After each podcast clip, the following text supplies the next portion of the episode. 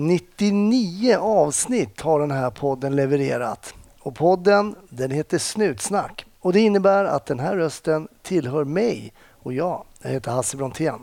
Välkommen till ännu ett avsnitt. Snutsnack växer och det kanske jag kan tacka just dig för. Jag menar, har du sagt något snällt om podden så kanske ytterligare någon, ytterligare någon har börjat lyssna. Så tack kära lyssnare för ert engagemang. Eh, generellt och också på Snutsnacks Facebook-sida och på Instagram. Förra veckan efter avsnittet så fick jag en hel laddning med uppdateringar kring var ni befann er när ni lyssnade och det var ju riktigt roligt. Lägg gärna upp sådär på Insta-stories så kan jag också vidarebefordra till mina följare. Eh, och jag fick ju, finns ju då på Instagram under mitt namn. Jag kan berätta att i dagsläget så har vi nu en lista på 187 namn på gäster som ni har tipsat om. Eh, om inte din önskade gäst har dykt upp än så säger jag bara ha tålamod.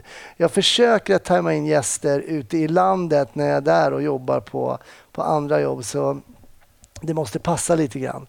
I förra avsnittet så kunde vi höra Olavi från Falun.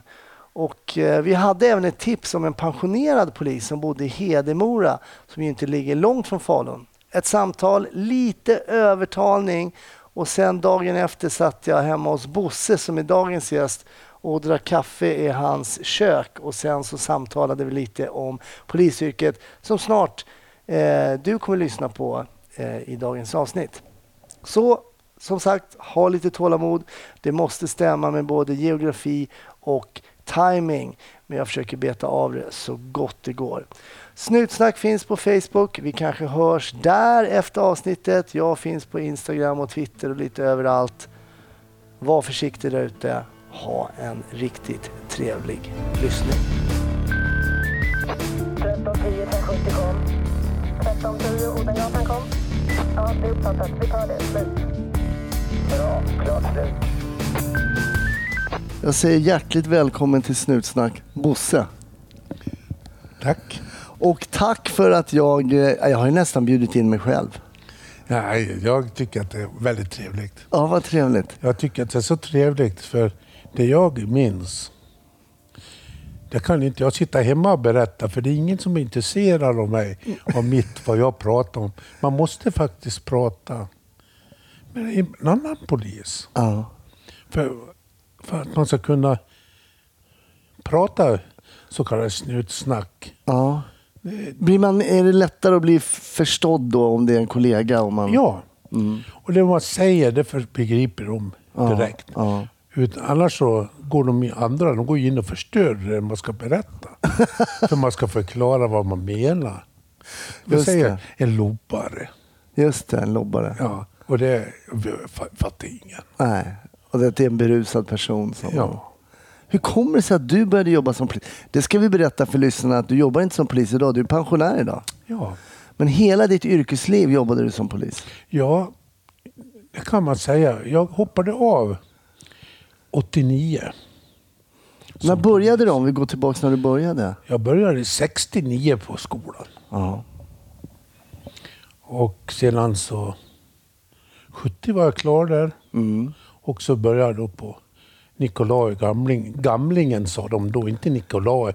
Det berättade de för mig i förbigående. För, heter förbigående. Förbigående, ja. ja. Att vi har kallat det här förut för Nikolaj, men nu kallar vi det för Gamlingen. Så.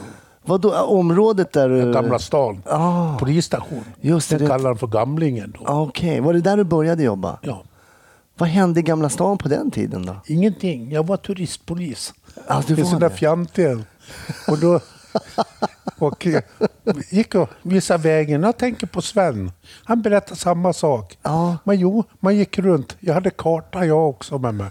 Just det, du menar Sven som också varit gäst i Snutsnack tidigare? Ja, i Hälsingland. Ja, ja, precis. Han... Eh, men hur kändes det då? Det var inte det du kanske hade drömt om? Du ville väl kanske fånga bovar, inte visa folk ja. var tyska kyrkan låg? Äh? Jag ville ju fånga bovar. Då. Ja. Och... Eh, men blev kvar där någon månad och sen så då fick jag en EO-tjänst på Maria polisstation på Södermalm. Och vad är, står EO för på den? Där? E- Ex- e- ja, extra ordinarie polis. Och så mitt eh, tjänstenummer var 69 EO på 2. Jaha. Ja, EO. Och eh, tvåan betyder Marias då, vaktdistrikt. Och det var på Söder i Stockholm då, då Ja, Maria? på Rosenlundsgatan 1. Ja. Där hade jag nog min. Hur var det att komma dit då till, eh, om du jämförde Gamlingen, alltså Gamla stan, och komma till Maria på Söder, hur var det? Jo, det var ju bra för nu, nu fick man köra bil, radiobil. Ja. Ja. Och så kunde man även eh, köra köra på ja, köra på lite. Ja, Ja, för på, ga- på Gamla stan, då fick man åka ner på Södermälarstrand och få dra ur radiobil 415, hette den. Jaha, vad var det för... 415, 410, 415. Eller 410. 410 kanske hette. Mm. 410. Det var en varianten då. Och för att kunna få så inte han eh, kärva ihop så var man tvungen att åka ner dit och göra ett par drag på Söder, på Söder Mälarstrand. För att blåsa ur den lite eller? Ja. Så åkte man runt ett par varv runt i, i, på Gamla stan, så åkte man och parkerade igen. Men nu, på Maria, där fick man till och med köra, åka Lilla OR, som det hette. Vad var det för någonting då? Jo, på, för, på, på, eh, inne på, i, på hus, i huset då. Mm. Uppe på Kungsholmen? Ja. Ja. Då eh, var ju OR-avdelning. Det är de som var radiopoliser. De var äldre poliser. Det, var, det var flottare. Var det flott alltså? Ja, det var OR? fint. Då var man, då var man care. Ja. Alltså då var man care? Ja. men, och, eh, vi, eh, men de kom ju då i ett, två tiden där. Så de gick in och la sig och sov. Mhm. För de gick, hörde ju direkt under radion de då. Och svarade de bara på jobb från radion? Ja. Och eh, då kom de så, så morsade de så gick de förbi en när man jobbade i receptionen då. Och eh, gick de upp och la sig och sov. Då så fick vi, vi då Yngre? yngre, fick ut och åka och ta deras jobb. Ja, det var så. Hur blev ni yngre poliser behandlade på den tiden av de äldre och sådär? Ja, bra. Var det bra? Jättebra. Pratade man aldrig om rävar och så att ni var rävar? Jo, jo, men det brydde man aldrig sig. Alltså ni, Nej. ni gjorde inte det? Nej, det, det, var, det var ingen... Vi, skrattade bara. Ja, det var så. Och för, för er som lyssnar då, en räv är ju då en eh, ung polis som är kanske lite hetsig och vill ut och så. Ja. De kallar man för rävar. Ja. Och så sa de alltid så här. När man, man kommer med ett förslag att vi skulle göra någonting mot de äldre där. Då tittade de på en. Vände de blicken och satt och tittade på en. Så sa de åt en. Om inte du håller käften så ska vi rycka några hårstrån på din svans. Jag hörde också en variant och sa de så här, dra in svansen, det dammar. När rävarna stod och väntade på att de ville åka ut liksom. Jaha, så Maria, men det var ingen linje. Jag vet att det fanns linjepatrullering på den tiden. Att man, hade en separ- man gick bara sin egen linje. Men det kanske var tidigare på 60-talet? Ja, det var nog tidigare. Innan, eh, innan förstatligandet hade de på det viset. Ja, just det. För då gick man bara sin egen linje hela tiden och fick inte lämna sin linje. Man fick vissa gator som man gick hela tiden. Och den första historien jag fick ifrån en som de kallar för Krukeskalle. Ja. Han var ju eh, en äldre man, polisman, som eh, jobbade som spanare, civilspan på Maria. Jo, han berättade att han gick just en sån här linje. Mm. Och så fick han se att det var en som dunkade och slog på en Durex-automat. Okej. Och han skrek åt han slutade men han höll på ändå Mm. och slog där. Och för han tänkte Krukeskalle att jag måste stoppa, det är ju en, det är ju en tjuv. Mm. Han, han stoppas. Han, kunde, han, stann, han slutade inte med att stå där och försöka få upp automaten. Ja. Så Krukeskalle sköt i väggen ovanför. Men eh, det var det ju var ju bara när han kom fram till dem, var ju bara det att kronan har fastnat. När han skulle ha Durex, ett gummi. Då. Ja, Kukiskalle. Ja, härligt. Men hur länge var du där på, på Söder då, på Maria? Ja, från 70 jag kom dit på hösten då. Så var jag där till hopslagningen i april 72. Okej. Då blev vi ihopslaget Gamla stan, Maria och Katarina. Och- Så blev VD3. Just det, VD3. Södermalmspolisen då som man Mm, sa sen. som är idag, VD3. ja. Just det. Och sen var VD1 var Norrmalm och så VD2 Östermalm då. Ja. Okej, då slogs man ihop och då blev ni VD3. En större station då med fler poliser. Ja. Hur var det att eh, slå ihop sådär? Hur, hur, hur gick det? ja, jag tyckte inte att det var något roligt för jag tyckte att det var bäst för att få jobba inom Marias område. Ja, Och det var ju jättetrevligt. Jag tyckte det var jättetrevligt att jobba mm. i den avdelningen. Hur var Söder på den tiden? Södermalm på Stockholm? Det var fint. Det var ju narkomaner. Men innan, precis innan jag kom till Maria, då har Maria-polisen jagat bort alla narkomaner från Mariatorget. Ja, ja, enstaka fanns ju kvar. Mm. Men då hamnade de på Sergels Sergelgården. Just det, Sergels torg ja. Okej, så man tryckte det liksom, det man tryckte ner på Söder det ploppade upp in i stan då? Ja, Just det. Men du var i uniform, du var ordning, klassisk ordningspolis då? ja, jag var det. Och det är det vad du har gjort under hela karriären egentligen? Ja, jag, eh, jag var ju där då. Jag tyckte det var något trevligt att jobba. Att det blev ihopslaget. Så jag sökte tjänst till Fagersta. Okej, Så jag kom till Fagersta första juni 72. okej. Det är ganska stor skillnad att komma från Södermalm i Stockholm till Fagersta. Det var ju lugnt.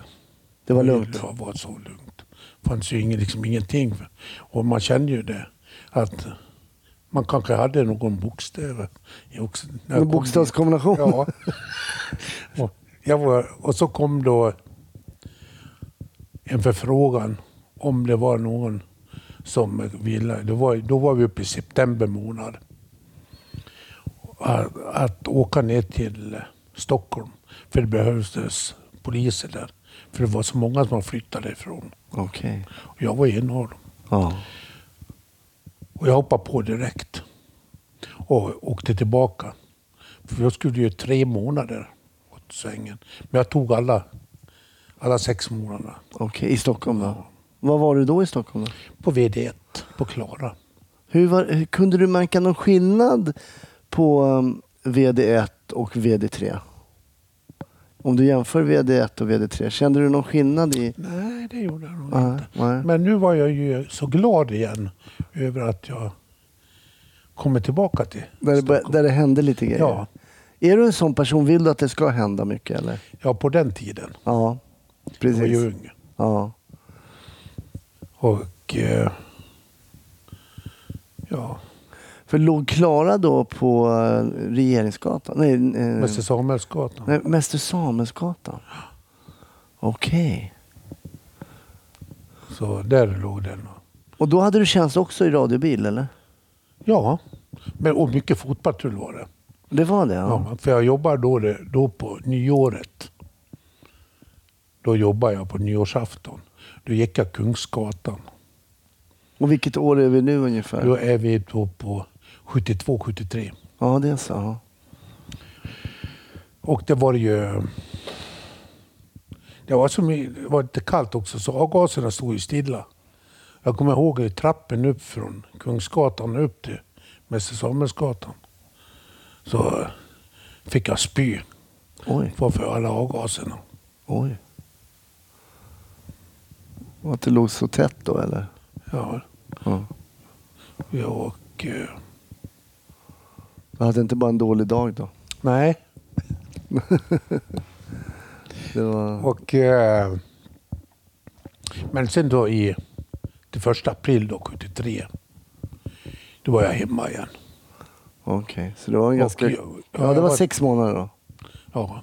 Och då åkte jag hem också för att då har... För jag tänkte att jag skulle stanna kvar och söka tjänst i Stockholm. Mm. Men det kunde inte jag göra. Bara för den 30 mars 73. Och första april då var jag tillbaka i Fagersta. För 30 mars 73 dog pappa min. Okej.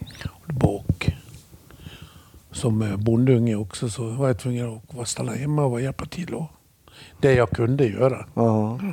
Du är uppvuxen i Dalarna också. Ja, Och här utanför Hedemora där vi finns nu. ja, Och på en eh, gård. ja. Hur var din uppväxt då? Vi var, vi var sju syskon. Ja. Och sen var det ju, hyrdes ut lägenheter till andra också, familjer. Och eh, jättebra. Mycket bra. Mm. Jag kan aldrig säga något annat. Nej. På det viset det började alltihopa. Men hade din, din, din pappa, hade han varit mjölkdjur eller vad, vad hade han för typ av bondgård? Ja, det är, det är mera då mindre jordbruk. Då. Mindre jordbruk? Ja. Som var slaktare. ja. Hur var din eh, pappa som far då? Han, eh, han var bra. Man var ju inte liksom någon deltagande på det viset. Med barnen och så? Nej, det var mamma som skötte allt. Vad har du för minnen av din mamma då? Allt för hon levde ända till för sju år sedan. Oj. Då blev hon några år. Hon blev 90. Ja. 90 år ja. Ja, så hade pappa kortare tid då? ja, han dog vid 57 års ålder. 57 ja. Hur var det att förlora din pappa då när du... Ja, visst. Det var ju chock att Mm. mista honom. Ja, Men livet var ju tvungen att fortsätta vidare. ja. Men jobbade du, hjälpte till hemma lite då också, men jobbade du Ja, vidare som lite. polis också eller? Ja, det gjorde jag. Jag jobbade då i Fagersta. Ja, Så de andra bröderna som gjorde mest. ja okej. Vad skulle du säga är den största skillnaden då i början på 70-talet att komma från Stockholm? Då jobbade du både, ja dels Gamla stan en kort stund, men sen VD3 och VD1 och sen komma till Fagersta. Vad är den största skillnaden i polisarbetet? Det var att eh, i Stockholm, då gjorde du en enkel utredning på trafiken.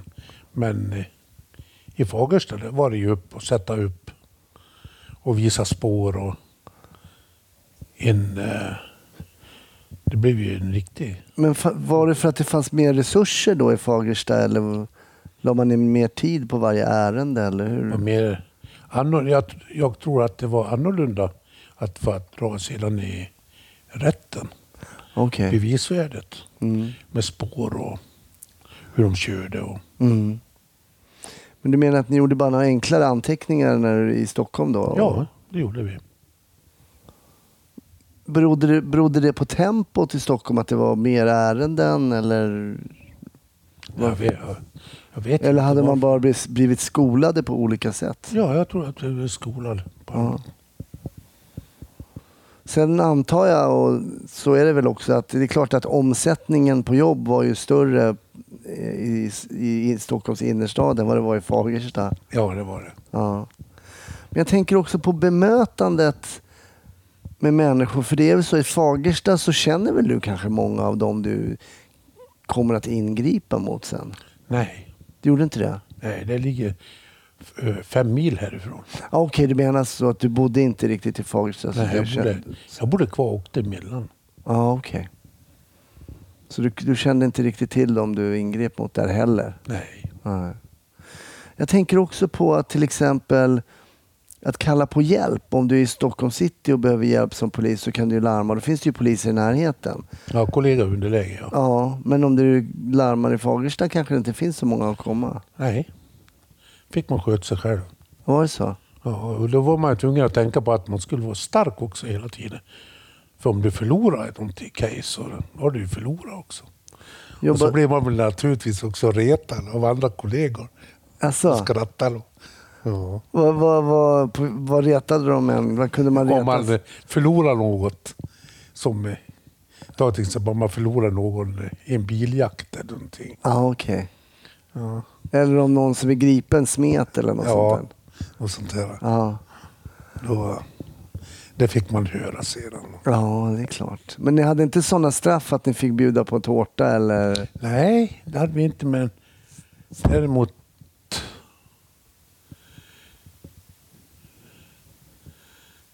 Nej, nej. Nej. Men har du fått någon sån där tapp någon gång? Eller alltså, har, du, har, har, du någon, har du haft någon gripen någon gång som man smitit iväg? Eller? Ja, ja, en gång, jag kan säga så här, för en gång så blev vi frånåkt, det har man blivit många gånger. Ja, det, det, Ja, det, det har jag ju blivit. Men det var ju bara att avsluta. ja, För man tar ju dem nästa gång. Ja, just det. Plus att de har snabbare bilar än Ja. polisen också. Ja, Ja. man hade inte en chans mot en del. Nej. De bara drog iväg. Ja. Nej, ja, nej, inte jag kan minnas. Nej. Lite innan vi började spela in här så berättade du att du var med om en... Du jobbade med en kollega som... Det hände någonting I Eh, Fagersta. i Fagersta. Vad, vad, vad var det som hände då? Det var en till kollega och jag, vi jobbade... Vi hade då... Vi åkte ihop Mm. och eh, så ropade då han som var i radion, det var också en polis då, så att om eh, vi kunde åka hem till eh, den här polismannen Mm. för hans hustru har ringt. Och vi åker dit och, det, och sätter oss, sitter kvar i bilen utanför porten. Mm. Det var en hyresfastighet. Mm. Sitter kvar där ända till det öppnas en, ett fönster upp på våningar upp och skriker. Kom upp då, skrek hon. Och jag rycker åt, rycker åt mig med batongen. Och även han som körde då. Han tog också batongen med sig. Mm. Så, för vi trodde ju, vi gick inte upp till att börja med bara för vi har varit dit tidigare till honom och fått hämta tipskuponger. Okej. Ja, så att vi skulle åka och lämna in hans tips för han kände sig inte något bra. Okej. Ja, och det gjorde vi och den här gången då, då sa jag att nu får han banne mig komma ner själv och ge oss tipskuponger om vi ska lämna in dem här. Just det. Det var då fönstret öppnades och en dam, hans sambo som skrek. Ja. Och eh, vi springer upp där. Och vid köksbordet sitter den polismannen och med huvudet hängande över bordet och då har han skjutit sig genom munnen. Oj. Och jag vet ingenting mera just. Nej. För sen så har jag fått det berättat för mig vad jag har gjort för någonting. Jag har ju försökt att få höllan i håret har jag gjort och ruskat på honom Okej. och svurit till honom. Men förstod du omedelbart att han var avliden? Jag kan inte minnas. Du fick någon form av chock då kanske, eller? Ja. Och eh, sen har jag gått inne med eh, kängor på mig i deras vardagsrum över soffor, köks eller rumsbord. Och jag har gått runt Ah. i vardagsrummet. Har du fått det här återberättat för dig då? Ja. eller? Ända inte fick ut mig. Och då kommer, då kommer det utredningspersonal också. Ja. Eller krimjouren kommer ut dit. Ja. Och så kommer mera poliser ut där. Och det var ju på eftermiddagen där. Allihopa har ju gått hem. Ja. Men eh, jag vet ju inget, än, fortfarande ingenting mer än eh, att jag fick berättat för mig att de kommenderade mig, någon som kommenderade mig att stå och vakta utanför porten så att eh, sambons son skulle komma hem Ja, okej. Och hindra honom att få komma in. Varför tror du att du reagerade som du gjorde där? Att du ruskade honom och att du gick runt i så oplanerat i lägenheten och sådär. Har, du någon- har du tänkt på det efteråt? Ja, jag tror det är mycket så här att vi, inom poliskåren vi är väldigt kollegiala mot varandra. Vi, vi skyddar varandra. Mm. Vi skyddar verkligen. Och eh, om det är någon som, som inte mår bra, eller sånt där, vi hjälper vi dem. Eller om man hamnar i någon situation. Mm. Så det, och det var samma sak där. Mm. För vi har haft så många goda skratt med. Ja. Det här var en, det var en vän som... Hade du, hade du kunnat eh, föreställa, sig, föreställa dig att han skulle ta sitt liv? Nej. Han har varit tidigare på förmiddagen inne på station. Och där har han hämtat sin, sitt vapen, Ja. en Walter. Ja. Mm. Så ett skott sköt han. Då har huvudet ramlat fram också så att han snapsglasen, han har tagit en snaps. Så det satt fast i pannan på honom. Det enda jag kommer ihåg. Den ruskade jag bort då. Så har han slagit hade en uppslagsverk framför sig. Och det, Men du, du berättar också att du får stå och bevaka porten och det låter ju som att du... Nu är det här många år sedan och jag vet att man nog skulle ha skött det här bättre idag. Men du borde ju också ha fått hjälp i det här läget. ja. För du var ju Även den andra skakad. Du var skakad och du var i, i chock. Ja, Men du blev satt att bevaka porten då? ja. För det fanns ju ingenting sånt. Fa- nej, det fanns inget sånt på den tiden. Nej, att man, då sa de bara så här. Att, va? Klarar du inte av en sån? Då skulle de också ta och sluta som polis. ja. Det var Men, ju samma sak när man åkte, gick och plockade delar från människor efter järnvägsvallen. mm, Klarar inte du det? det vad är du för en? ja. Då skulle man vara hård. Ska vara. Eller det ansågs då på något sätt hårt att, eh, att man skulle koppla bort känslor och sådär. Ja. Men det som är intressant är att man vet ju aldrig hur man kommer reagera i vissa situationer. Eh, det är klart att poliser övar ju vissa saker. Man övar och övar och då, då blir man ju bättre. Men att man övar ju aldrig på att möta en vän som har skjutit sig själv i huvudet. Nej. Och därför vet man inte hur man kommer reagera. Och du reagerade på ditt eget sätt. Ja.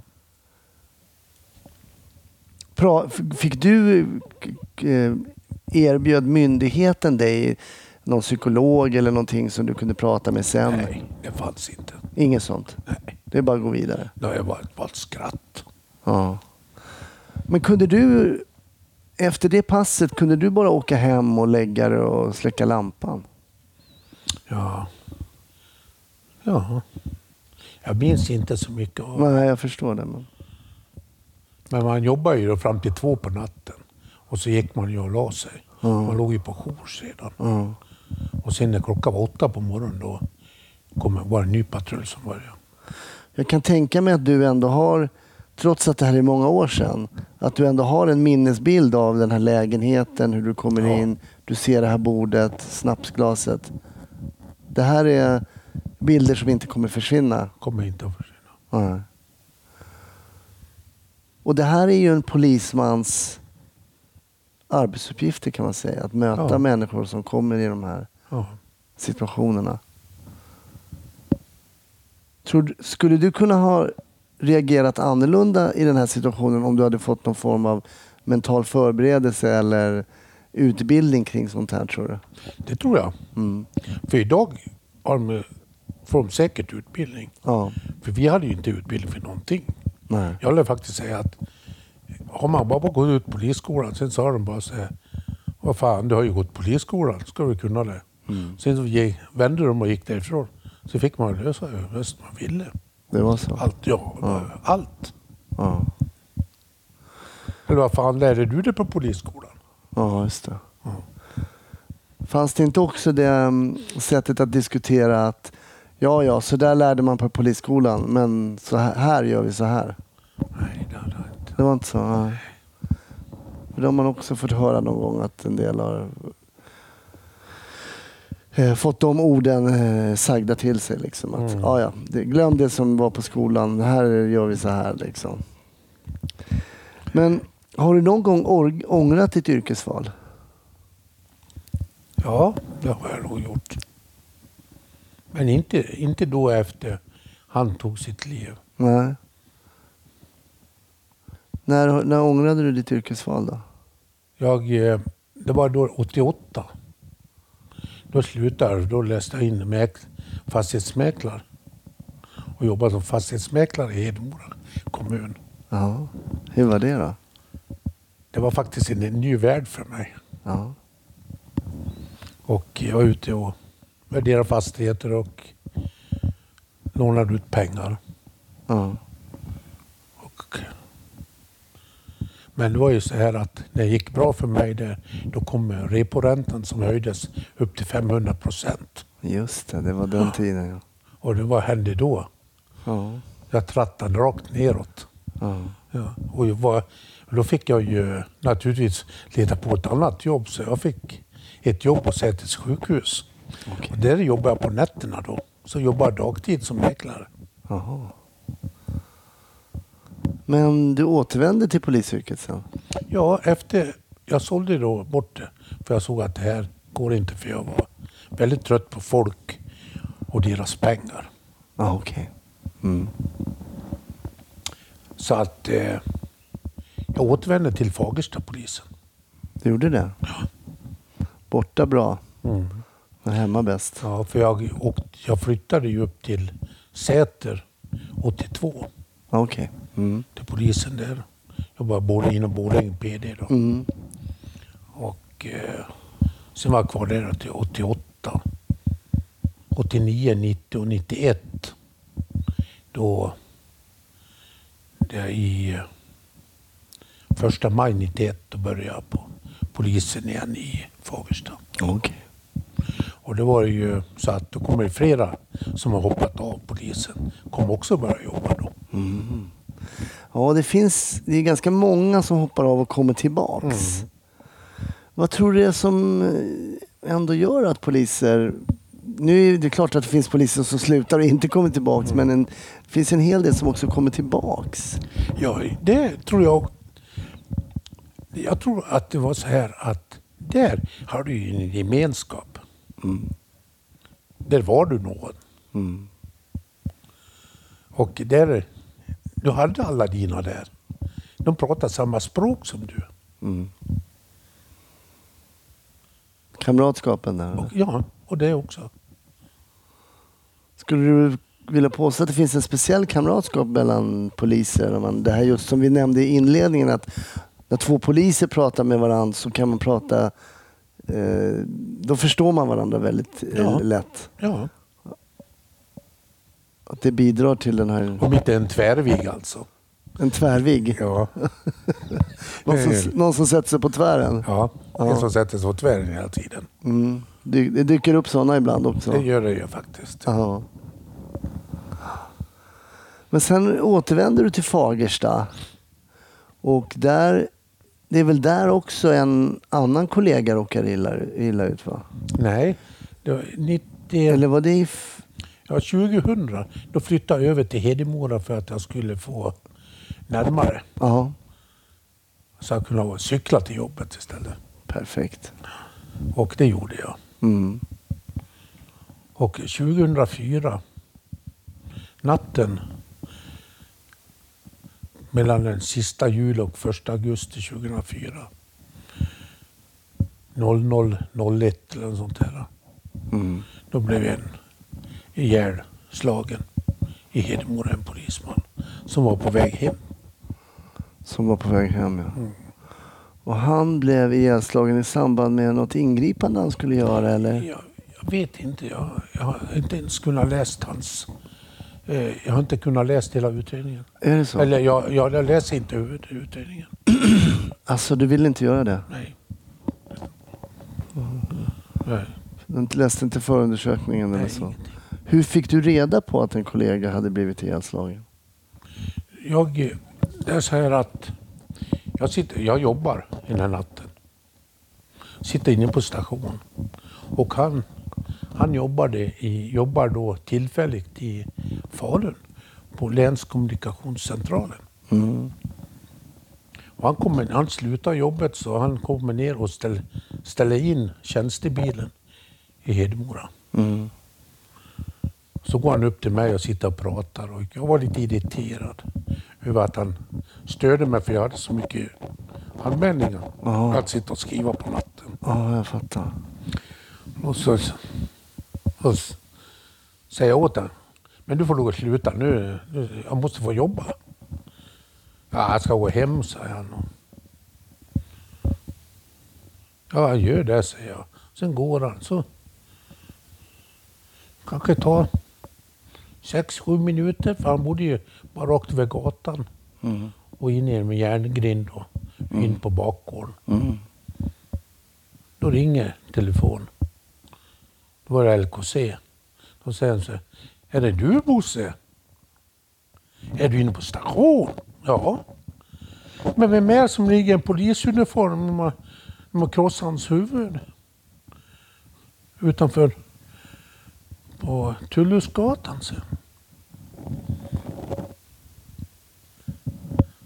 Och då började jag också då med massa först svordomar och så. Fattar ingenting men nu förstår jag vad som har hänt. Och jag skriker, är han död? Ja, de säger att han är död. Och då skriker jag också inne där och är alldeles vansinnig.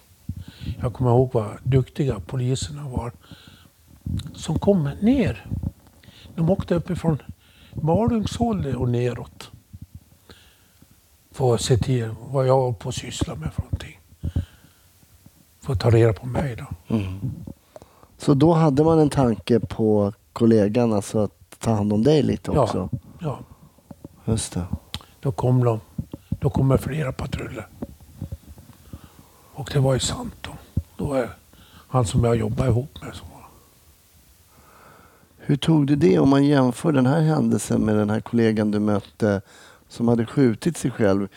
Kan du se några eh, paralleller mellan de här två händelserna? Hur du reagerade? Den ena han har ju valt det här fast han har ju psykiska dåligt. Mm. Han har ju valt det själv.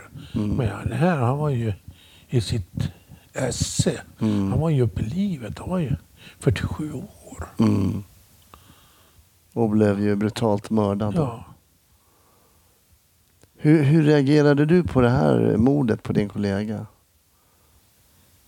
Sen i fortsättningen. Ja, jag var ju jag var slut. Jag minns ju det också. Jag satt i...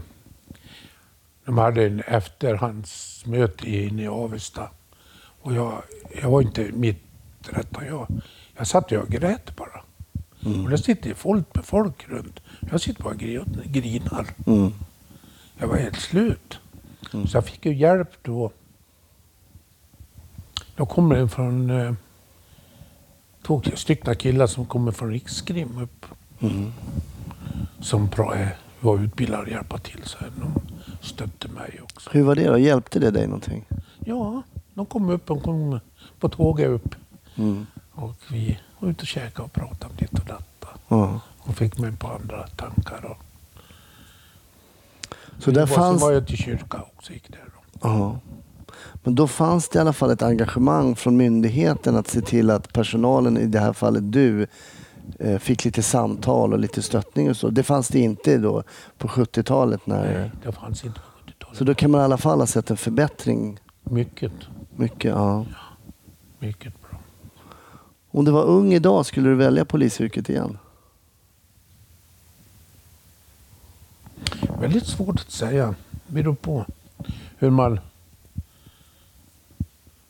Vem man mötte. Mm. Det är ju ett annat, lite annorlunda samhällsklimat idag än vad det var. Ja, det är det. Jag tror kanske inte jag skulle... Jag kanske inte skulle ha gjort det då. Ja. För att jag tror att även att jag skulle kunna sätta andra kollegor då i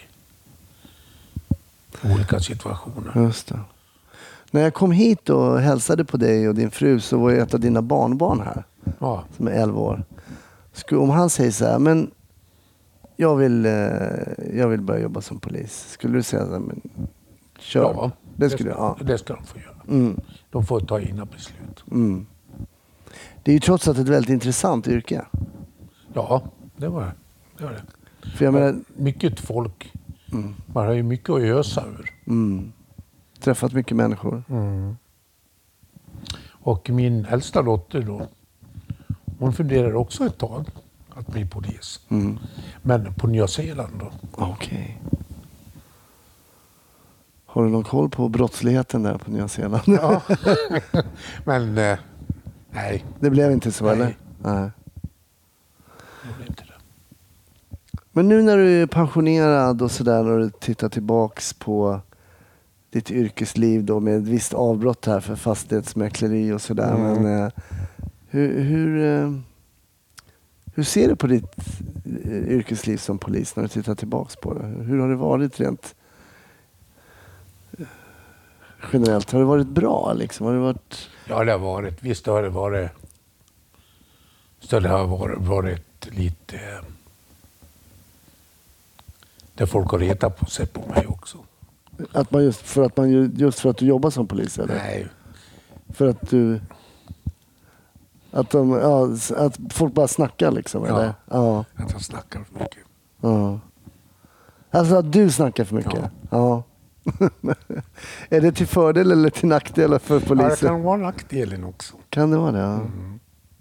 ja. Men det är...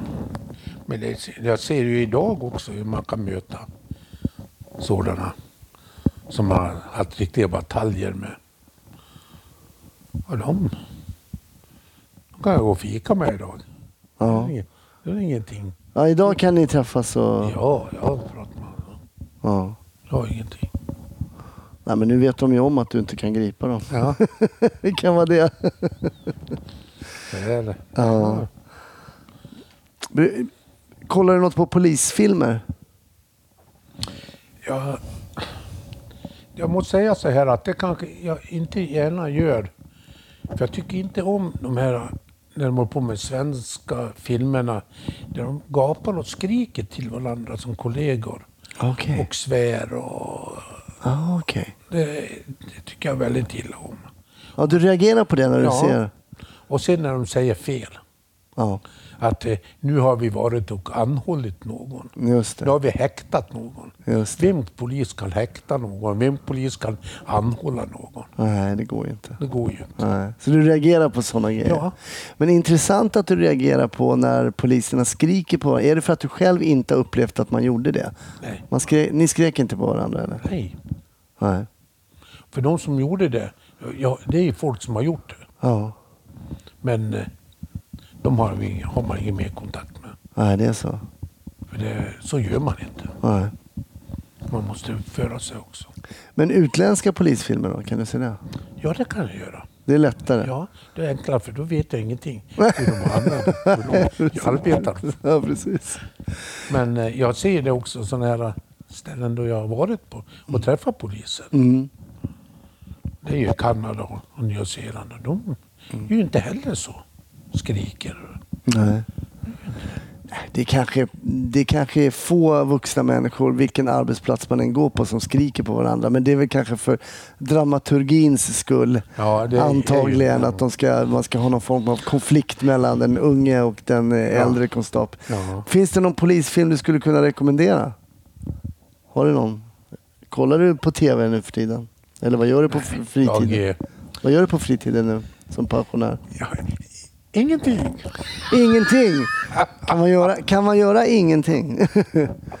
Nej, jag går väl hemma här och lortar med allt. ja. Du bor väldigt nära ditt eh, föräldrahem Det gör jag. nu. Ja. Och alla syskonen bor ju runt här. Mm. Vi nämnde det här någon gång. Borta bra men hemma bäst. Hur är det att komma hem till eh, den trakten där man en gång sprang som, sprang som pojke? Hur känns det? Och nu vara pensionär. Ja, och det är bra. Det är bra. För jag har ju hela det sociala livet runt mig här. Mm. Mm. Så det kan man nog inte säga något annat om. Nej. Har åren gått fort? Ja, det har det gjort. Mm. Och framförallt också efter att jag blev pensionär 2012 Ja. så har åren gått väldigt snabbt. Ja. Och jag fick ju tre fina år direkt. Sen så fick jag ju då hjärtproblem. Okej, Så då fick jag då min pacemaker. Då. just det. Men nu fun- den funkar bra. Ja, Åren går, eh, man får barn, man får barnbarn som vi har mött här. Eh, och eh, man får en pacemaker. Mm. Hur känns det att veta att... Ja, jag menar du vet ju att du har färre somrar kvar än dina barnbarn. ja. Hur är den känslan när man är liksom nästan äldst av i släktledet? Ja. Liksom? Hur- Tänker Jo, du på jo, det någon det känns väldigt... Det är ju därför också att jag att jag måste försöka träffa mina barnbarn Ja, på andra sidan jorden. ja, just det. På Nya Zeeland vet jag att du har barnbarn också. Mm. Det är dit och då, därför jag åker då. Igen då. Ja. Familjen är viktig. Ja, Mm. så var det ju också när man jobbade. Mm. När man var helt slut när man kom hem. Ja. Då tittar man på ungarna först när man kom. Ja. Och tittar man på, på frun också. Hon, hon låg där och snarkade. Hon, man nöjde sig. kröp man ner också och fortsatte snarka. Underbart. Bosse, stort tack för att jag fick komma och hälsa Tack på. Och få höra lite om hur det var förr i tiden att jobba som polis. Ja, Tack så jättemycket. tack så mycket. Tack.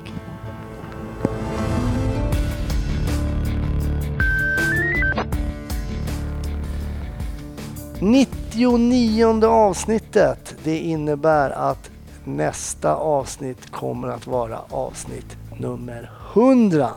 Missa inte det. Det sticker ut en eh, liten aning. Jag hoppas att du har en fantastisk vecka så hörs vi i nästa. Ha det bra. Hej!